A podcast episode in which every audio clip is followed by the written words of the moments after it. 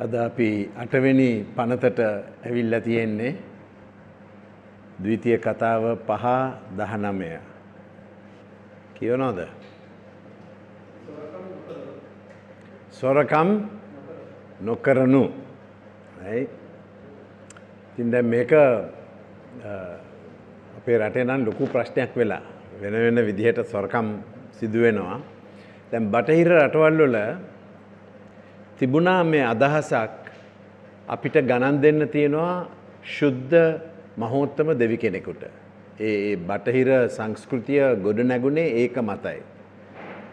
ඉතිං ඒ නිසා අවංකත්වයට තිබුණා පෙළඹීමක් අපිට දෙවියන් වහන්සේට ගණන් දෙන්න තියෙනවා කියලා ඒ පෙළඹීම තිබුණා. ඉතින් ඒගොල්ලගේ ව්‍යූහය බටහිල බටහිර ව්‍යූහයන් හුඟාක් හැදුනේ ඒ විශ්වාසයත් එක්ක. ඒ කියන්නේ අපි හොරකං කරන්න බෑ දෙවියන් වහන්සේට ගණන් දෙන්න තියෙනවා කියලා. හැබැයි මෑතකදී ඒ අදහස ගිහිල්ලා බටහිර අය දැන් එහෙම දෙවි කෙනෙක් ඉන්නවා කියලා විශ්වාස කරන්නේ ඒගොල්ලොන් විශ්වාස කරනවා නම් විශ්වාස කරන්නේ ජීව බලයක්. මේ නිකන් නැත්තම් අර Hindu අය කියනවා වගේ හැම තැනම දෙවියන් වහන්සේ හැම එකම දෙවියන් වහන්සේ නැත්තම් මේ මේ සෝබාධම දෙයියෝ කියලා ඒ වගේ ඒ වගේ අදහසක් ඇවිල්ලා තියෙන්නේ. ඉතින් ඒ අදහස ආවට පස්සේ ක්‍රමක්‍රමෙන් අර විශ්වාසයක් ටිකින් ටික යනවා. මං කිවනේ ව්‍යහයන් බටහිර රටවල්වල තමයි සුපමාකට් එක හැදුවේ. ඒ ආවේ බටහිර රටවල් වල. ඉතින් ඒ රටවල් වල නිකං ගිහිල්ලා ගන්නවා බඩු හැබැයි දැන් ගාක් සල්ලි යනවා සිකියරිටියවලට සුපමාක තාම තියෙනවා. හැබැයි මනාද CCTV හැම්ම තැනම ඒ වගේ තියෙනවා. ඉතිං අපි අපි දකිනවා අර ටිකින් ටික ඒක නැතිවී යන එක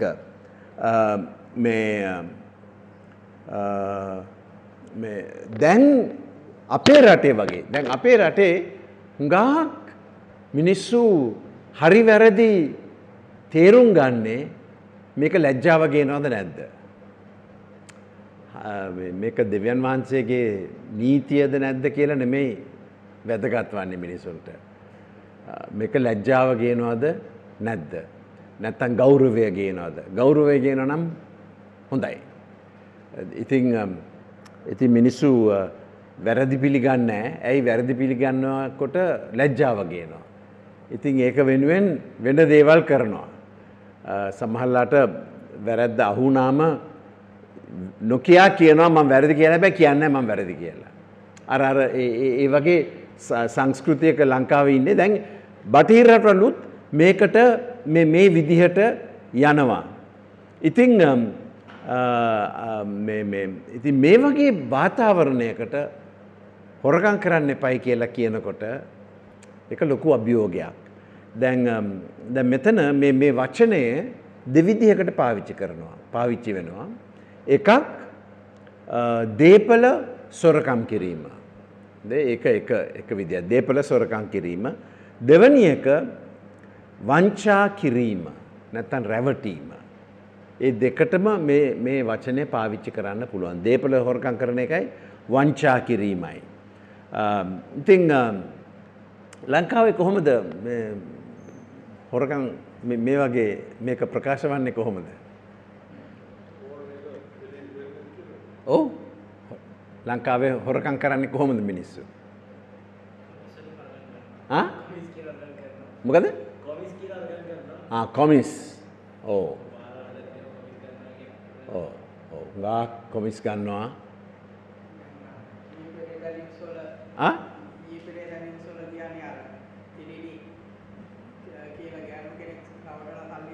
රවටලා සෑහෙන ලොකු ගානක් මිනිසුන් රවටලා සල්ලි අරගෙන තව ටැක්ස් බොරු ලියලා නේ දැන් මන් දන්නවා සමහර කවුන්ටන්ස්ලා ඉන්නවා ඒගොල්ලන්ට හැකියාව තියෙනවා කොහොම හරි රවට්ටන්න සිස්ටම් එක. ඉතිං මට මතකයි පයසක හිටපුුව කෙනෙකුත් මේ කරනවා ඉස්සර. එයා ඒගොලොම් පොඩි පොඩි බිස්නස් තියෙනවානේ ඒ බිස්නස්වලට ගිල්ලස් කෝම හරි හොයාගන්නවා විදිහක් ආදායම අඩු කරලා ප්‍රකාශ කරන්න ඉතින් ටැක්ස් නොකරන එක නොදෙන එක හොඳයි ඒක එකක් ඒක නිසා තමයි ඩොක්ට කෙනෙක් බලන්න යනකොට ඉස්පිරිතාලේ රිසිට් එක එකයි ඩොක්ටගේ රිසිට් එක වෙන වෙන විදිහට දෙන්නේ. මදන්න තාම එහෙම තියෙනොද කියලා ඉස්සර ඩොක්ටගෙට රිසිට එක එච්චර ඔෆිෂල් එකන් නෙමේ. තින් ඒගොලොම් බොරු කියනවා ද මගේ අය කෙනෙකින්ව ඩොක්ට කෙනෙ ය ස්පෙශලිස් කෙනෙක් තිං යා මේ කාලයක් වැඩ කරා නවජීවන මෙවැකේ. තින් ඒගොලොම් ඉන්කම් ටැක්ස එකෙන් ප්‍රශ්න කර මැ බොරු කරනොයි කියලා. එයාගේ ආදායම අඩු නිසා. ඒගොලන්ට විශ්වාස කරන්න බෑ කොහොමද ඩොක්ටගෙන මේ වගේ ආදායමක් ගන්නේ. කොහොමරි හොර ඒ විදියට හොර කරනවා. එතකට තව වංචා කිරීම කස්ටම් සොල රයිට් මේ වගේ වන එක. අන්ඩ වැලියූ ඕ මෙඩිකල් සටිෆිකට් සික්ලීව් ගන්න. ඩොක්ටස්ලා ඉන්නවානේ ඒවා ඒ වගේ දෙන ඩොක්ටස්ලා ඉන්න මේ ඔක්කොම අර වංචා වංචාකාර දේවල්. රිසිට් එක තුන තිස් අටනං අසූ අට කරන එක. එහෙම කරන්න පුළුවන්. එතකොට තව තව ඇත වසෙන් කිතුනුවන්ට නිත්තර වැටෙන පාපයක්. ඉඩම්. ඉඩං පිළිබඳ. දැන් කියමු සාධාරණනය වෙන්න නං නංගිට තමයි ලැබෙන්න ඕනේ මේ ඉඩම. හැබැයි නීතිමය එකැනේ නීතියෙන් කෝමහරි මේක ගන්න පුළුවන්. අයියට පුළුවන් ගන්න. තින් අයියා හොරකං කරලා හොර කරනවා. දැන් කොච්චර පවුල්වල තියනවාද ප්‍රශ්න ඉඩන් ගැන ක්‍රිස්තියානි පවුල්වල. ඇයි අර තන්නාව. කෝමරි මේ ඉඩම ගන්න පුළුවන්නම් ගන්නවා කියලා. ඉතින් ඒ වගේ ක්‍රිස්තියානි අය ඉඩං ඒ ප්‍රශ්නයට එනකොට සමහරලාට ක්‍රිස්තියානකම විසි කරලා දානවා. මෙහෙම එහෙම කරන්න ප්‍රශ්නය එනවා. ඉතිං හොඳ ඉතින් එතකොට බයිබලේ තව ඒව කියනවා. දිලිඳුන්ව දිලිඳුන්ගෙන් අයුතු ප්‍රයෝජනය ගන්න එක. එක්ස්පලොයිටිං කියන එක්ස්පලොයිට් කියන්නේ අයුතු ප්‍රයෝජනය කියන්නේ මේගොල්ලන්ට බලයක් නැහැනේ. ඉතින් මේගොල්ලන්ට බලයක් නැති නිසා අඩුවෙන් අඩුවෙන් ගෙවනවා. මේ ඒගොල්ලන්ට මේවා කරන්න ශක්තියක් නැහැ. ඉතින් ඒක බලන්නේ යසාය 10 1යි 2යි. යසාය 10 1යි 2යි.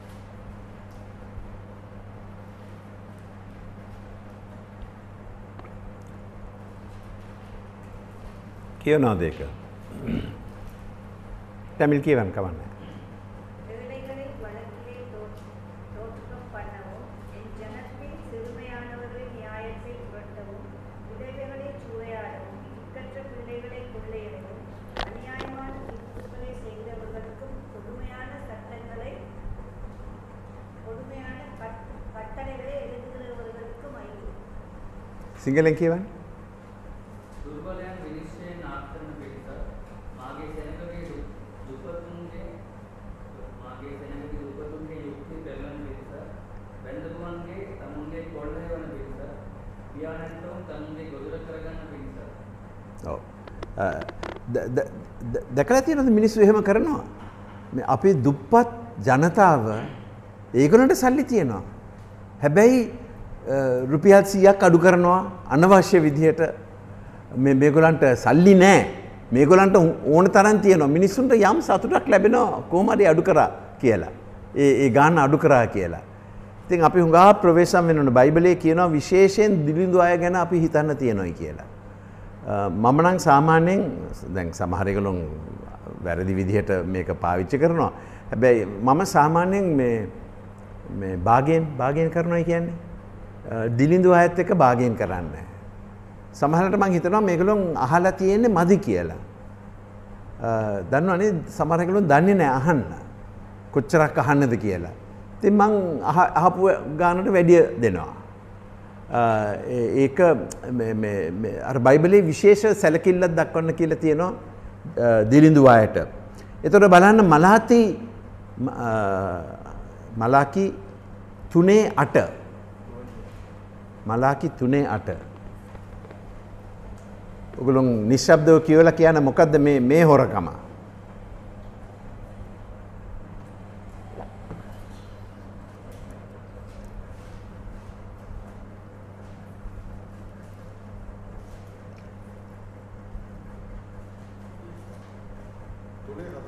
තුනේ අට.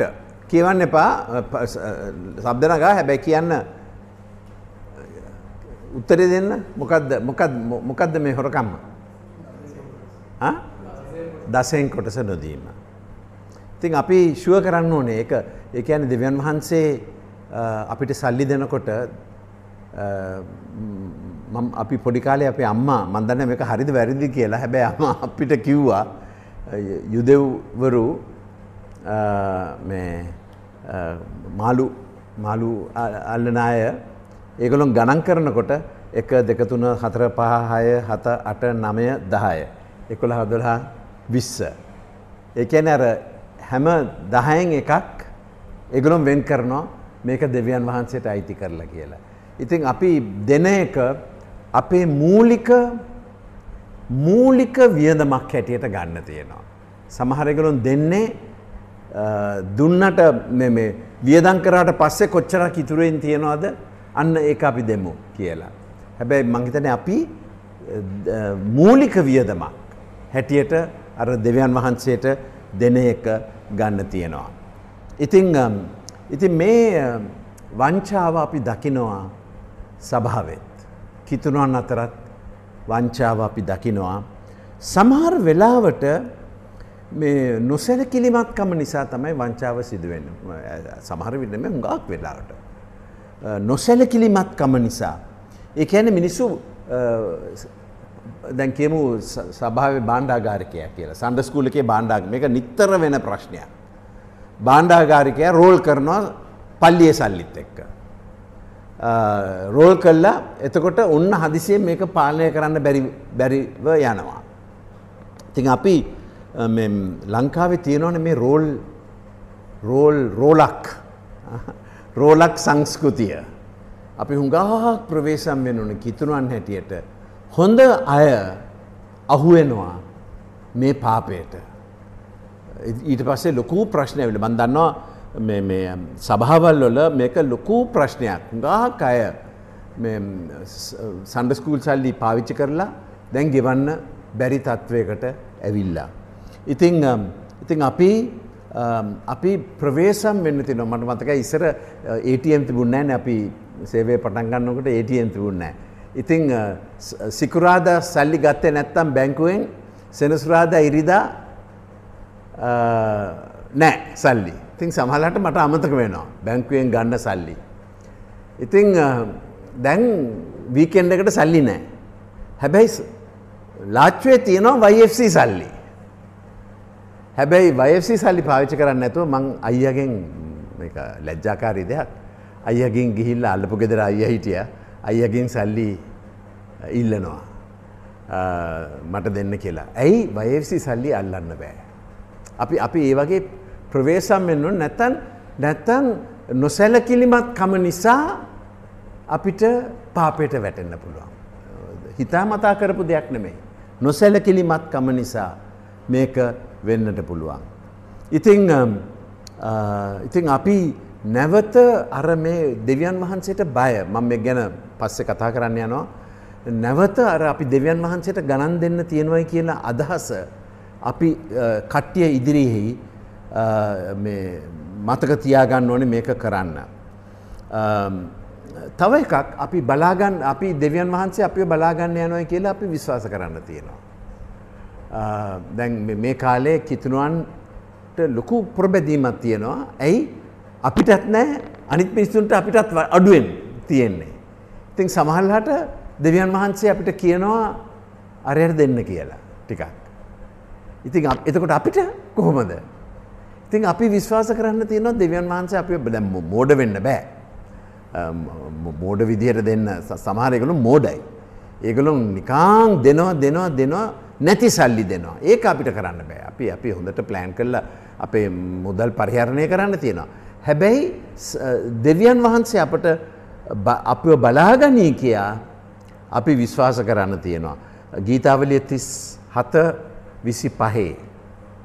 දාවිත් කියනවා මම තරුණව හිටිය දැම් මම් වයසයි නමුත් මම ධර්මිෂ්ටයෝ හුද කලා අත්හැරලා ඉන්නවා අ, ග- දරුවන් හිඟා කනවා මම දැකල නෑ කියල තියෙනවා. වයසක පුද්ගලයෙක් කියනවා මගේ ජීවිතේ මන් දැකල තියෙනවා දෙවියන් වහන්සේ අපිව බලාගන්නවයි කියලා. හොඳ ඉතිං අම්, ඉතිං ඒක ඒක මූලික දේ දැන් බයිබලේ අ, මේ එපිස හතරේ විසි අටේ කියනවා ඕගොළමුත් ඉස්සර බොරු අ, හොරකං කරයි කියලා. අ, ඉතිං අ, බලන්න හත්- හතරේ විසි අට.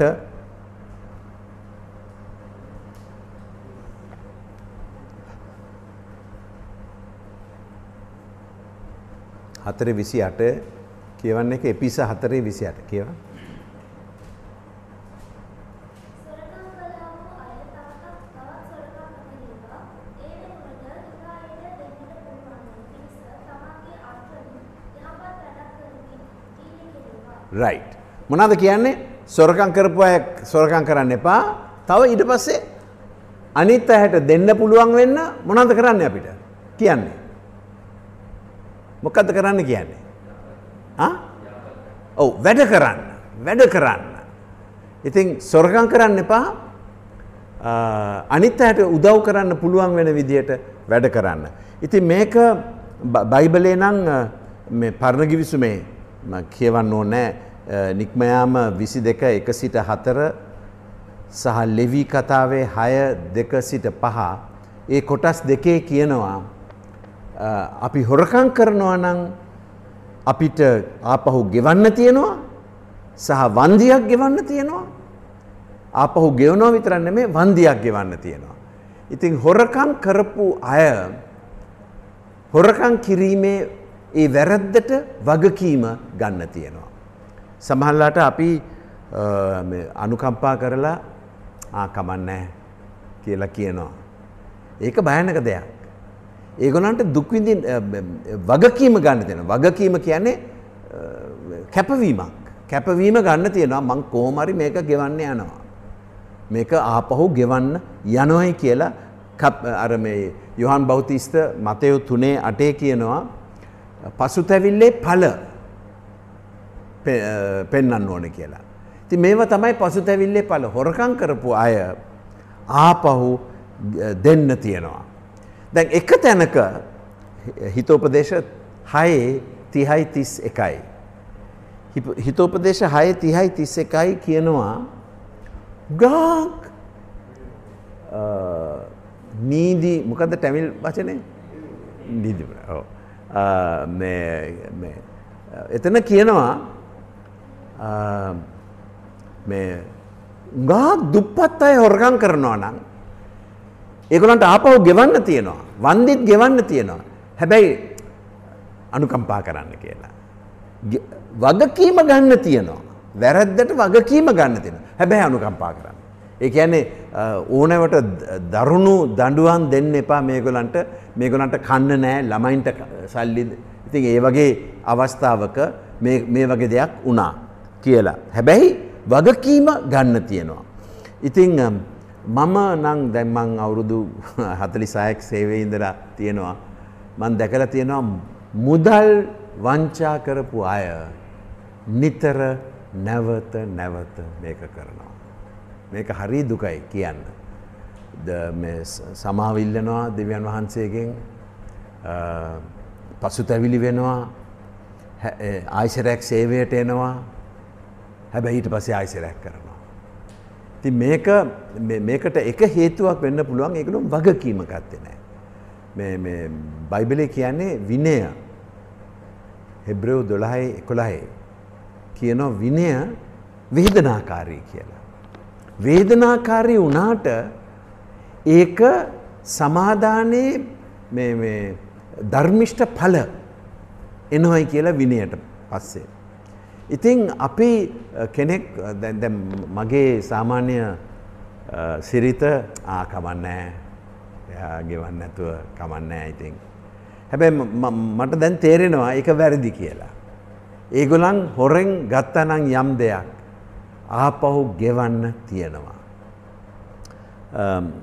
මන්දන්න එක දේවසේවකයෙක් යට හොඳ අනාගතයක් තිබුණා හොඳ සේවයක් කරන්න පුළුවන් තිබුණා. මිනිස්සු පුද්දුම විදියට ක්‍රිස්තුස් වහන්සේ වෙදට ගේනවා යාගේ සේවයෙන්.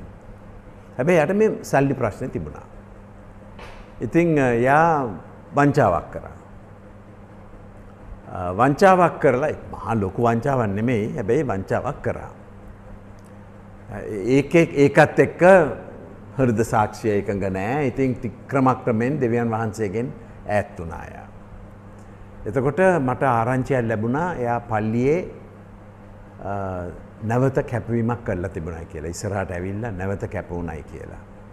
ඉතින් මං හරි සන්තෝෂ වුණා. ඉතින් මං එයාට එන්න කිව්වා අපේ ගෙදරට කතා කරලා අ, මං- මගේ සන්තෝෂය පල්- ප්‍රකාශ කරා එයාට මට තේරුණා එයා හරි සන්තෝෂයෙන් ඉන්නේ කියලා. එතකොට මං කිව්වා එයාට දැන් ඔය අර සල්ලි ආපහු ගෙවන්න ඕනේ කියලා. එයාගේ ඕ මට ගෙවන්න පුළුවන් මට ගෙ- හැබැයි ගෙව්වේ නෑ. එයා ගෙව්වේ නෑ. ඉතින් අර අර හි- හිතේ තියෙනවා අර බ්ලොක් එක. එතකොට ක්‍රමක්‍රමයෙන් යා බේබද්දෙක් වුණා දික්කසාද වුණා අවුරුදු තිස් ගානක වගේ මැරුණා. හරි දුක්බර කතාවක්. හොන්ද සේවයක් තිබුණු එක් කෙනෙක්. ඉතිං අ, මම මේ අපි හැමෝටම මේ- මේ පරීක්ෂාව එන්න පුළුවන්. ප්‍රවේශම් වෙන්න. මේ රෝල් කරනකොට සල්ලි නැත්තම් බොරුවක් කියන්න. උගලන් අපි ප්‍රවේශම් වෙන්න තියෙනවා මේක ගැන. අ, ඉතිං um, uh, ඕගලන්ට මොනකත් කියන්න තියෙනද මේ ගැන.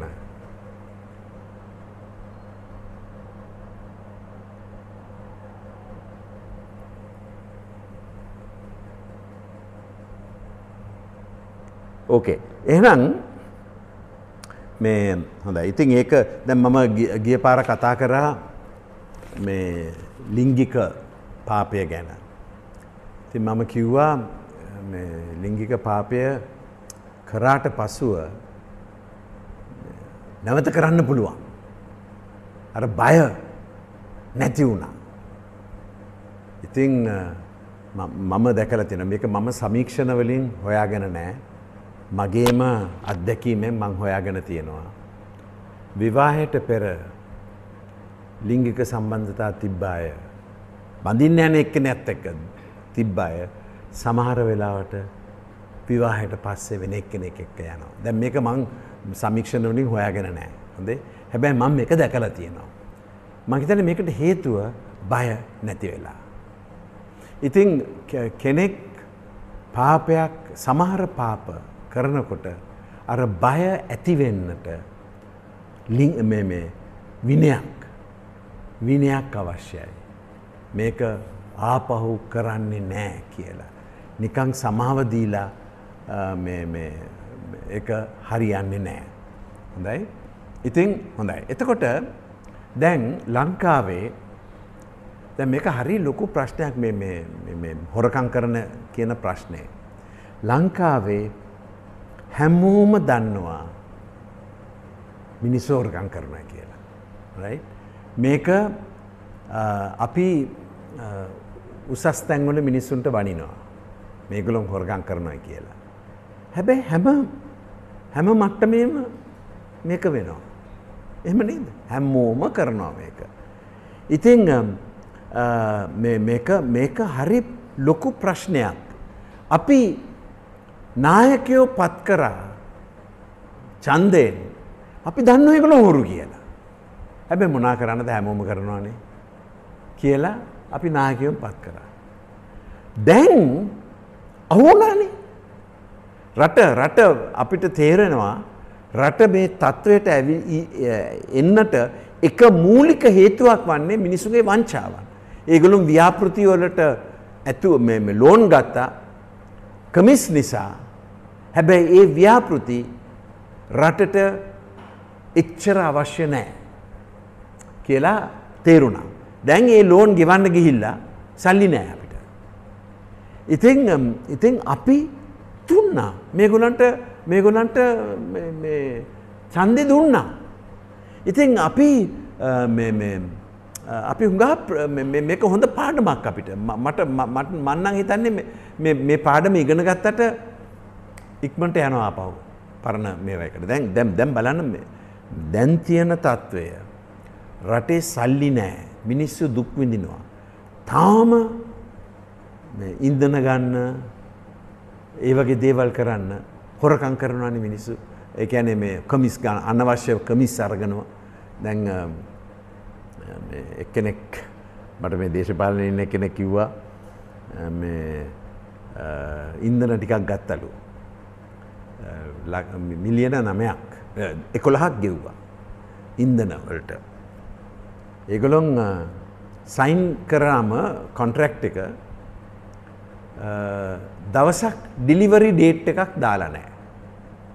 ඉතින් ඒගොලම් පරක්කු කර කර කර කර හිටිය.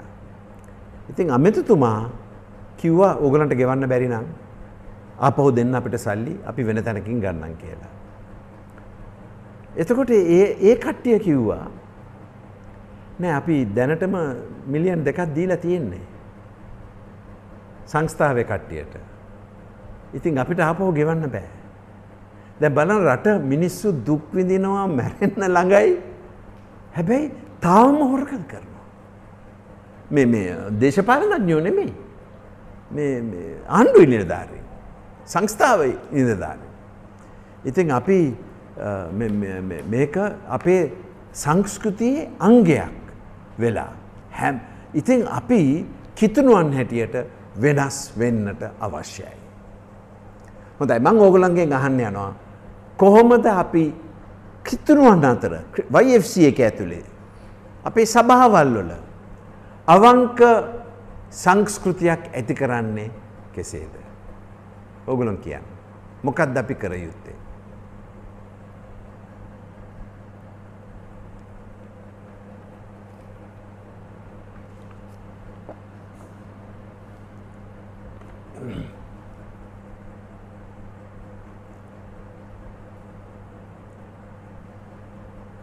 මොකක්ද කර යුත්තේ. කොහොමද මේක ඇති කරන්නේ.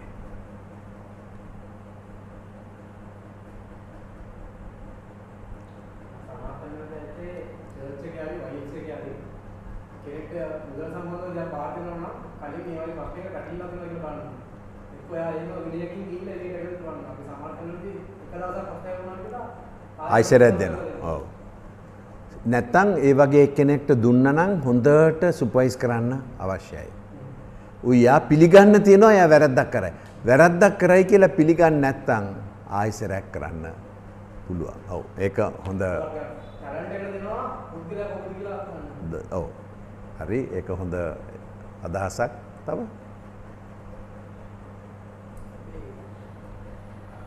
ඇත්ත ස්වභාවය අපි කියන්න දෙනවා මේ බාගෙට බොරු කියන්නේ නැතුව තමයි වෙලාවට බාගෙට බොරු කියනවා පරක් වෙලා එනවා මේ රස ඉඳලා නැත්නම් ට්‍රැෆික් ඉඳලා වගේ ඒක ඇත්තටම ඒක නෙමෙයි හේතුව.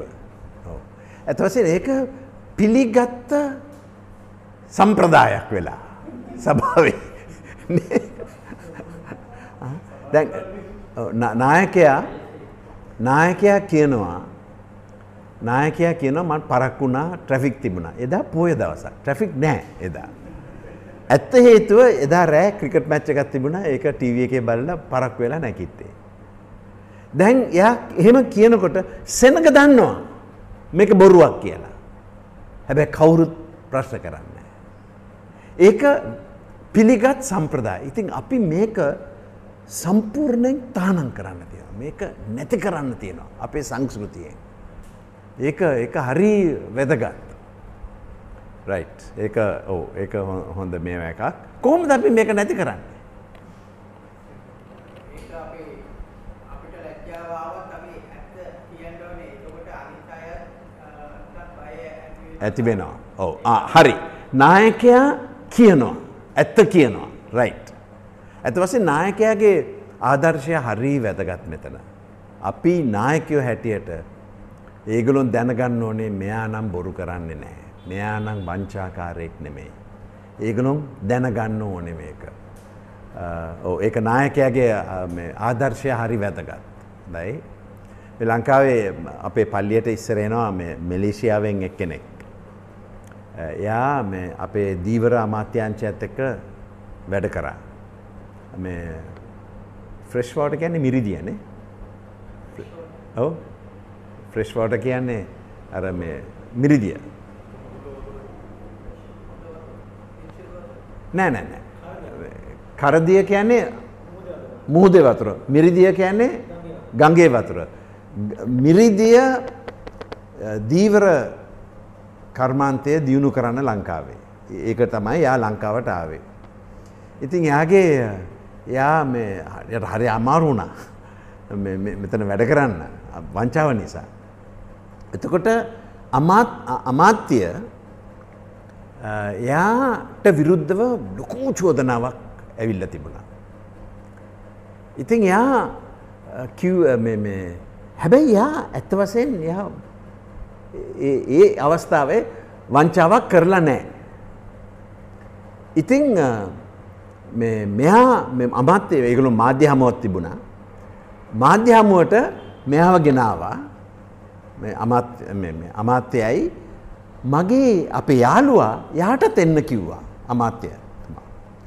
එතකොට මා- මාධ්‍යයෙන් ප්‍රශ්න කරාම මෙයා කිව්වා අරයට මේ කියන්න ඔයා කියන්න ඔයා දන්න විදි දේ.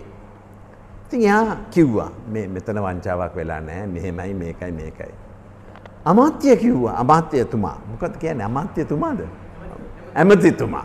ඇමතිතුමා කිව්වා අන්න බලන්න යා කිතුනුවෙක් ඒගොල්ලෝ බොරු කියන්නේ නැහැ. එහෙම කිව්වා. ඉතින් අ, ඒක පුදුම සාක්ෂියක්. මේ ඉතින් ඒ වගේ නමක් අපි ගන්න බලන්න ඕනේ. හැබැයි පස්සේ ලොකු ව්‍යාපෘතියක් තිබුණා. ඒකෙන් අ, යම් කොටසක් මෙයාටත් එනවා. ලොකු ව්‍යාපෘතියකින්. ඉතින් මෙයා කිව්වා මට එපා කියලා. ඒතර අම- ඇමතිතුමා කිව්වා වැයට එපා නම් වැය මාත් එක්ක වැඩ කරන්න බෑ කියලා. එයා එයා ආපහු ගියා මැලේසියාවට. ඉතින් ඒ වගේ දේවලුත් වෙනවා.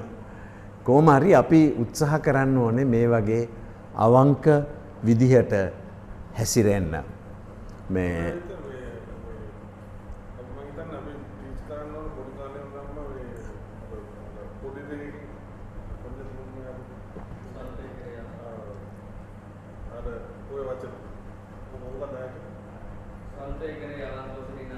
ඔව් හරි හරි ඔව් පොඩි දේවල් ගැන අපි උගන්නන්න තියෙනවා. අර අපේ ගෙදර බොරු කියලා බොරු කියන කියන්න මං ගෙදර නෑ කියලා කවුද එනකොට අන්න ඒ වගේ දේවල් කරනකොට ඉබේම අර සංස්කෘතිය ඇති වෙනවා. හරි වැරදි බය නෑ. මේ මට මතකයි මගේ පුතා හුඟක් ඉස්සර. එයා මේ ක්‍රිස්තියානි නායකයෙක් එක්ක ගියා ගමනක්. එතට ඒගොළොන්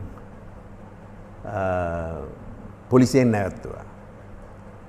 එතකොට මේ නායකයා ගානක් දුන්නා පොලිසියට. ශේප්පුනා ඉතින් එහෙම වුණා ඉතින් එයා මට ඇවිල්ල කිව්වා මේ වගේ දෙයක් වුණා එයා පොඩි කාලේ මේ- මේ වගේ දෙයක් වුණයි කියලා.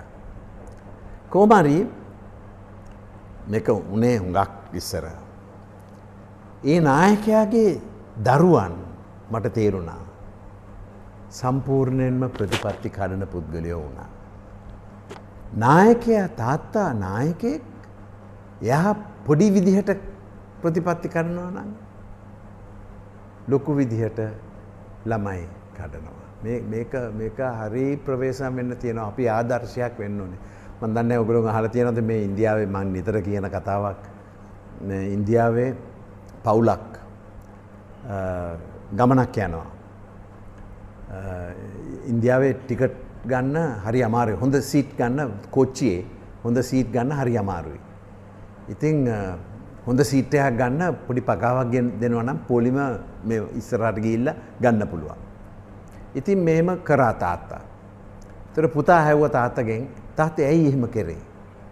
තාත්තා කිව්වා හැමෝම කරනවා ඒක කියලා. ඊට පස්සේ පුතා යුනිවර්සිටි එකට ඇතුල් වෙන්න ආයසරයක් පගාවක් දීලා තමයි හොඳ තැනකට යන්නට පුළුවන් වුණේ. ආයසරයක් තාත්තා හැව්වා. මොකද ඒක වැරදි නේද? නෑ නෑ හැමෝම කරනවායි කියලා. කොහමරි මේ පුතා ගියා වි- විශ්වවිද්‍යාලයට. එතකොට ඔන්න හදිසියෙන් ගෙදර යවලා මේ පුතාව. එතකොට මොකද යා කොපි කරලා විභාගේ. ඉතින් තාත්තා කිව්වා අයියෝ පුතා මයි මේක කරේ වෑ. මොකද එයා කිව්වේ? හැමෝම කරනවා කියලා. ඉතින් අපි අපි ආදාර මේක මේක හරි අමාරුයි. අවංක අවංකව ජීවත් වෙන එක හරි අමාරුයි. අද ලෝකේ කොච්චර අමාරුද වටිනවා. වටිනවා කියලා අපි මෙයා කරන්න ඕනේ. හොඳයි. ඉතින් අපේ ආදර්ශය. හොඳයි. නායකයාගේ ආදර්ශය එක දෙයක්. අ, තව එකක්. මං කිව්වනේ අර බටහිර රටවල් වල ඒගොල්ලන්ට තිබුණා මේ ශුද්ධ ශුද්ධ දෙවි කෙනෙක් මහෝත්තම ශුද්ධ දෙවි කෙනෙකුට ගණන් දෙන්න තියෙනවා. කොහෙද අපි වැඩියෙන්ම ගණන් දෙන්නේ? කොහෙද? කොහෙද වැඩියෙන්ම ගණන් දෙන්නේ අපි? කවදද? හා? ඉරිදා ගණන් දෙවියන් වහන්සේට ගණන් දෙන්නේ? හා? විනිශ්චය. විනිශ්චය තමයි අපි ගණන් දෙන්න යන්නේ. හැබැයි ලංකාවේ විනිශ්චය ගැන අදහසක් නැහැනේ. අද ලංකාවේ නෑ ඒ අදහස. මිනිස්සු මැරෙනකොට තව එක්කෙනෙක් ඉපදෙන්න යනවා අර මතකයක්වත් නෑ පරණ ජීවිතේ මොනවද කරේ කියලා. ඉතින් අර විනිශ්චයේ බය ඇත්තට නෑ ඒගොල්ලන්ට. අ, මහෝත්තම දෙවි කෙනෙකුට ගණන් දෙන්න. මේ අ, දෙවිවරු මොනවාද? දෙවිවරු මේ දොස්තර කෙනෙක් වගේ. ප්‍රශ්නයක් තියෙනකොට මේ දෙයියොට යන්න. අ, මේ පලි ගන්න ඕන ඕන කාලි දෙයියෝ ළඟට යන්න. අන්න ඒ වගේ වෙන වෙන දේවල් වලට වෙන වෙන ඒක ડોක්ටර් කෙනෙක් ළඟට යනවා වගේ. මේ දෙයියෝ අපේ මුළු ජීවිතේ ගණන් දීම ඉල්ලන්නේ නැහනේ ඒ දෙයියෝ. හැබැයි මේ දෙයියෝ මේ දෙවියන් වහන්සේ අපේ මුළු ජීවිතයටම ගණන් දෙන්න තියෙනවා. හැබැයි අපේ මිනිස්සුන්ට විනිශ්චය ධර්මයක් නැහැ. ඒ- ඒ- ඒක නෑ ඒගොල්ලන්ගේ එදිනදා ජීවිතයට බලපාන්නේ නැහැ. කොහොමද අපි මේ මේ අදහස ඇතුල් කරන්නේ අපේ මිනිස්සුන්ට? කොහොමද මේ අදහස ඇතුල් කරන්නේ?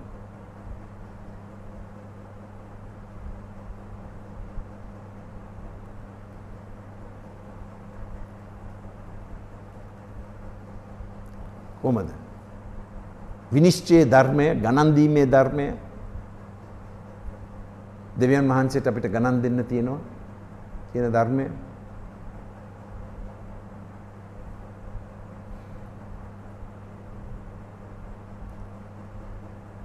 කොහොමද?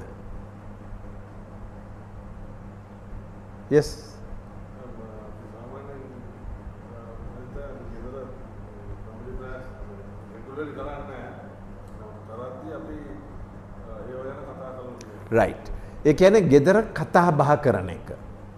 දැන් මේ අ, මේ වර්ල්ඩ් වර්ල්ඩ් view කියලා තියෙනවා. වර්ල්ඩ් view කියන්නේ ලෝක දෘෂ්ටිය නැත්නම් ලෝක දැක්ම. ඒ කියන්නේ අපේ අපි කොහොමද ලෝකෙ දිහා බලන්නේ. රයිට්? දැන් කිතුනුවෙක් හැටියට අපි ලෝකයේ දිහා බලන්නේ දෙවියන් වහන්සේගේ දෘෂ්ටි කෝණයෙන්. අපි දෙ- මේ මැවුම්කාර දෙවියන් වහන්සේගේ අනුගාමිකයන් අපි. එතකොට අපේ ලෝක දෘෂ්ටියට ලෝක දැක්මට තේරෙන්නේ ලෝක දැක්ම කියන්නේ මොකද්ද කියලා? අපි ජීවිතය දිහාට බලන්නේ කොහොමද? ඒකට එනවා දෙවියන් වහන්සේට ගණන් දෙන්න තියෙනවයි කියන ප්‍රශ්නේ. දැන් මේක එක දේශනයකින් යන්නේ නැහැ. හැම දෑම ඉස්කෝලේ යනකොට අ, සමාජයේ ටීවී එකේ හැම තැනම හැම දෑම එන්නේ වෙන පණිවිඩයක්. ඉතින් එක දේශනයකින් දැන් දේශනය අවශ්‍යයි. මම දැන් ක- ඔයගොල්ලෝ දර්- අ, මේ මේ විනිශ්චය ගැන අහලා තියෙනවද දේශන ළඟදී? අහලා තියෙනවද? බයිබලයේ නිරය ගැන තියෙනවා ස්වර්ගයට වඩා සඳහන් කරලා. දෙවියන් වහන්සේගේ උදහස ගැන මේ දෙවියන් වහන්සේගේ ප්‍රේමයට වඩා උදහස සඳහන් කරලා තියෙනවා. බයිබලේ. හැබැයි අපි ඒව ගැන කතා කරන්නේ. ඒව ගැන කතා කරන්න තියෙනවා. හැබැයි ව්‍යා කියපු දේ. කතා බහ කතා බහ කිරීම තමයි කරනකොට තමයි අපේ ලෝක දැක්ම ඇති වෙන්නේ. ඉතින් ළමයි එක්ක මහත්තයයි නෝනයි කතා කරන එක හරි වැදගත්. මේක හරි ලේසි අපේ අපේ ඉක්මන් ලෝකේ දැන් කොම් ප්‍රශ්නේ කීදෙනෙක් ළමයි ඉන්නවද මෙතන? right. Uh, හොඳයි. මේ අපේ ප්‍රෙෂර් මේ පීඩනයත් එක්ක කතා බහ කරන එක අඩු වෙලා. අපි හුඟා ප්‍රවේශම් වෙන්න ඕනේ මේක නැවත ගේන්න අපේ ජීවිතයට කතා කරන එක.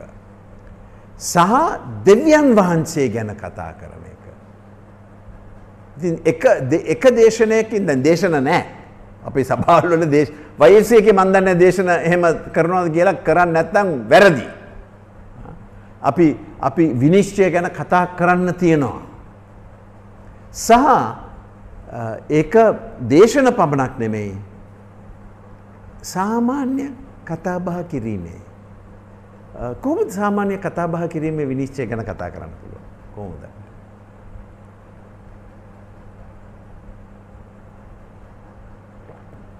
කොහොමද අපි ඒක කරන්න පුළුවන්? ළමයට කතා කරනකොට.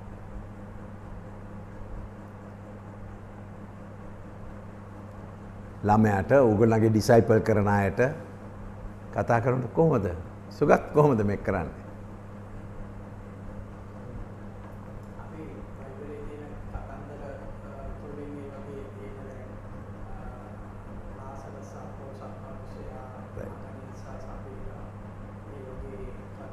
ඔව්. අපේ ලෝක දැක්ම සංනිවේදනය කිරීමට හොඳම ක්‍රමයක් වන්නේ කතාන්දර. මේ මේ- මේක හොඳට දකිනවා මේ ප- දෙවනි පළමිනි කොරින්ති තුනේද කොහෙද මට මතක නෑ. අ, කියනවා මේ පරණ ගිවිසුමේ කතාවල් අපිට දීලා තියෙන්නේ අපිට අනතුරු අඟවන්න. මේ පරණ ගිවිස පරණ ගිවිසුම දැන් මේ දවස් ටිකේ මම දෙවෙනි මේ ලේකම් පොත කරන්නේ මගේ නිහඬ කාලයට. ඒක අපිට කියලා දෙනවනේ පරණ යුසුමේ නම් උන්වහන්සේගේ අපනත අපේ බැඳ ගන්න නම් ඔව් අන්න හරි. ඔව්. ඔව්. ළමයින්ට උගන්නන්න කියලා කියනවා. ඉතිං අ, මේ පරණ ගිවිසුම මේ මේක ලො- ම- අපි අපි පොඩි කාලේ අපේ අම්මා අපි උදේ පාන්දර කූද්දලා තරහෙන් අය- යන්නේ අපි. උදේ පාන්දර කූද්දලා වට බ- බ- වාඩි වෙන්න කියලා උගන්වනවා අපිට. බයිබලේ. මේ හුඟා කෙරේ පරණ ගිවිසුමේ. එතකොට ඒ ආදර්ශයත් එක්ක අපේ භාර්යාව නෙළුනක්කා එයා ළමයින්ට අපි පිච්ච බයිබල් කියලා මේ ලස්සන බයිබලයක් තියෙනවා. ඒ ළමයින් එක්ක මුල්ලු බයිබල් කතාව කතාන්දර තියෙනවා ඒකේ.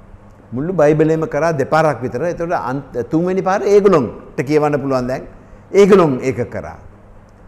ඒ කතාවල් මේ රජතුමා මෙහෙම කරා මොනාදුනේ යට පැරදුනා යුද්ධේ. අර අර පව් කරනවා නම් විපාක ගෙවන්න තියෙනවයි කියන අදහස හිතට ඉබේම එනවා.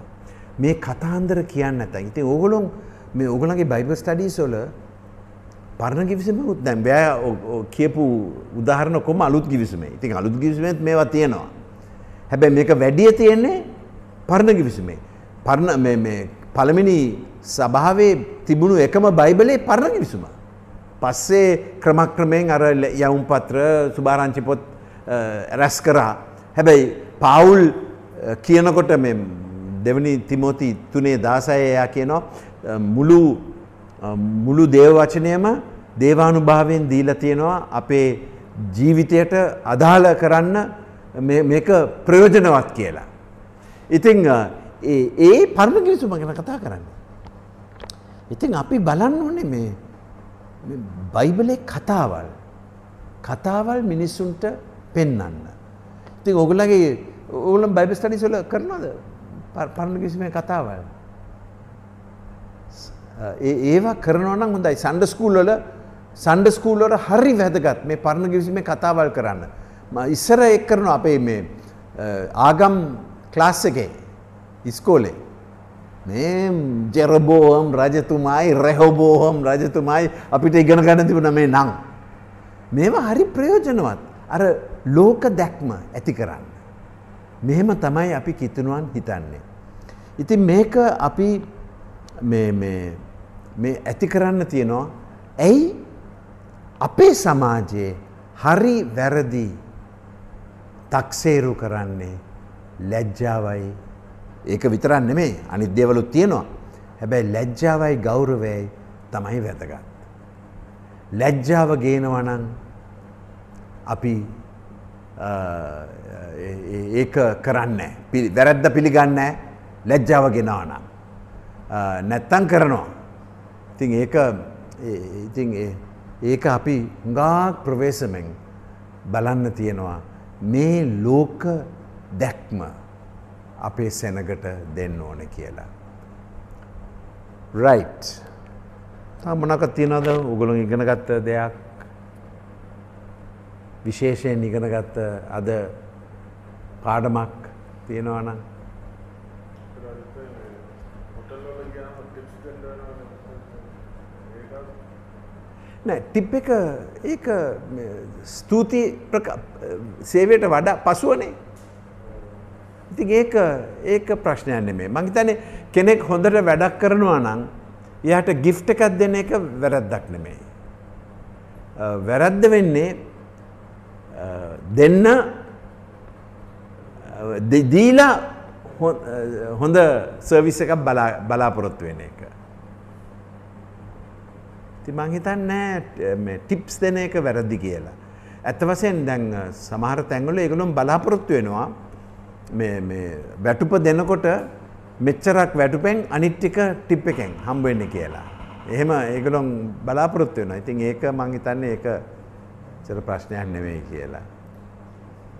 තාගත් මොකක් හරි නම් කියමු මොකක් හරි ආණ්ඩුවේ ආණ්ඩුවේ මොකක් හරි වැඩක් කරලා ඊට පස්සේ තාගත් අපි දෙන එක එතකොට ඔව් ඒ- ඒක මං හිතන්නේ අපි අපි හිතලා බලන්න තියෙනවා සේ ම- මම නම් හිතනවා වැඩ කරාට පසුව තෑග්ගක් දෙන එක එච්චර ලොකු ප්‍රශ්නයක් නෙමෙයි. නැවත බලාපොරොත්තුවෙන් නොදෙන එක. මම නම් ලියුම් ලියනවා. දැන් ල- මෑතකදී ලියලා නැහැ හැබැයි ඉස්සර මං ලියනවා. අ, මේ මම මන් දන්නවා එක සැරයක් අ, මේ ම- ම- අපේ ඉස්සර කාස් ඉම්පෝර්ට් කරන්න හරි අමාරුයි. ඉතින් මට මේ පිටු 100ක විතර ෆයිල් එකක් තිබුණා. මං ස්ටඩි කරනකොට ලැබුණු සල්ලි ඔක්කොම වැඩ කරලා ලැබුණු සල්ලි ඔක්කොම මේ මම ලියාගෙන ෆයිල් එකක් දුන්නා. එතකොට එක්කෙනෙක් හිටියා. එයා කැතලික් එක්කෙනෙක්. හරි හොඳට වැඩ කරා. ආණ්ඩුවේ දන්නවනේ ආණ්ඩුවේ තැන්වල වැඩ. ඉතින් මං ලිව්වා ඒගොල්ලන්ට. ඉතින් ඒගොල්ලොන් ඒ ලියුම අරගෙන නෝටිස් බෝඩ් එකේ දාලා සෙන්ට්‍රල් බැංක් එකේ අ, මේ එක්ස්චේන්ජ් කන්ට්‍රෝල් ඩිපාර්ට්මන්ට් එකේ. ඉතින් අපි එහෙ- එහෙමත් කරන්න පුළුවන්. අපේ අගය පෙන්වන්න එහෙමත් කරන්න පුළුවන්. නැත්නම් ඒගොල්ලන්ට කියන්න ඔයගොල්ලොන් කරපු වැඩට අපි ස්තුතිවන්ත වෙනවා කියලා. ඒක නෑ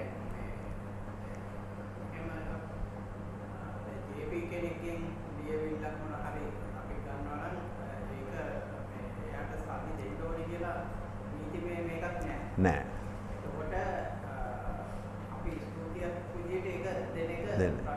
මං හිතන්නේ නෑනේ මන් දන්නේ මොකද ඕගොල්ලෝ හිතන්නේ එයාගේ ශ්‍රමයට අපි මුදලක් දෙනවා හම්බ හම්බ වෙන. ආ. හම්බ වෙන්නේ නැහැ නේ. නෑ.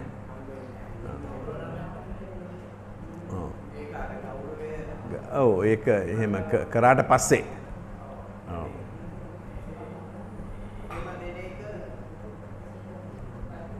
අවුලක් ම- ම- මං හිතන්නේ නෑ ම- මොකද ඔගොල්ලෝ හිතන්නේ මොකද ක්ලිෆර්ඩ් මොකද ඔයා හිතන්නේ ඒක මේ දැන් ග්‍රාම සේවකටත් එහෙම තමයි. ග්‍රාම සේවකගේ එයාගේ කාර්යය ජනතාවට සේවය සැපයීම එයාට සල්ලි ගන්න බෑ. ඔව්. හැබැයි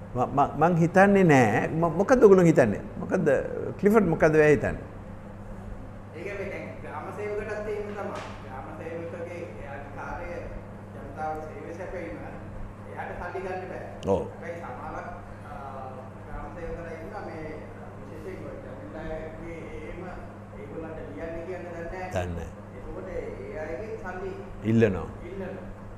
ඔව්, ඒක නම් වැරදිනේ ඒක වැරදි දැන් ඒගොල්ලන් අර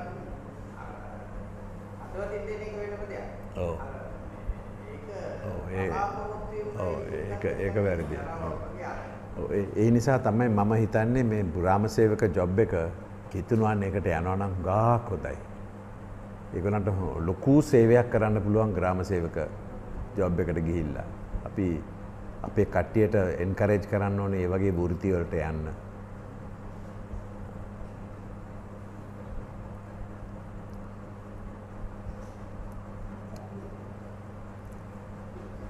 මංජුලා මොකද්ද? රයිට් එහෙනම් අපි යාඥා කරලා මේක බාර දෙමු. කවුද යාඥා කරන්නේ? ඔයා යාඥා කරනවා?